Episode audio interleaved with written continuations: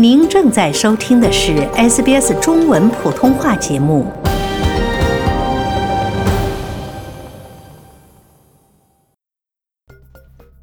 大家好，我是 Lauren 陈龙。本期 SBS 新闻快报带您关注南澳洲教育系统中的人工智能工具试点项目。南澳洲八所公立高中将成为全国首批试点人工智能应用的学校。该应用将向学生展示人工智能如何支持他们的学习，同时保护他们免受可能对他们构成风险的信息的影响。该聊天机器人是与微软合作设计的，使用了与 ChatGPT 相同的技术构建而成。南澳洲教育厅长布莱尔·博耶尔表示：“无论你喜不喜欢，人工智能都已经出现了。”他说：“孩子们已经在课余时间和周末使用它。”人工智能已经渗透到他们每天使用的东西当中，比如 Snapchat。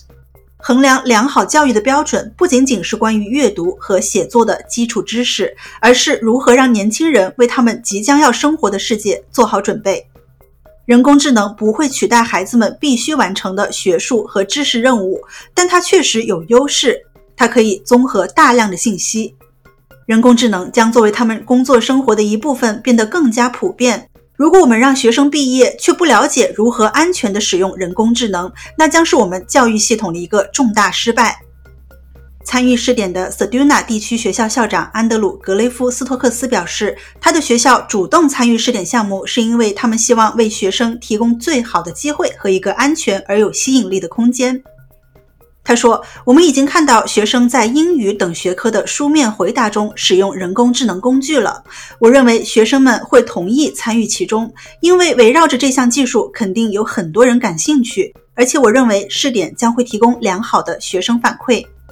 我们希望在教育部门的自有空间内提供一个安全和安心的空间，供孩子们在教师的支持下进行探索。”试点项目使用的人工智能应用已内置安全措施，以保护学生的数据，并且学校工作人员将能够对其进行监管调节。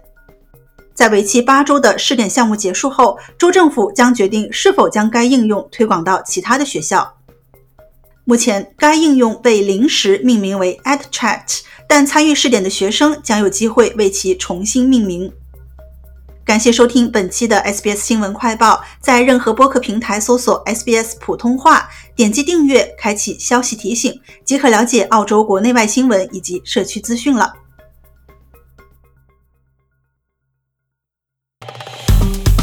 喜欢、分享、评论，欢迎您在 Facebook 上关注 SBS 普通话页面。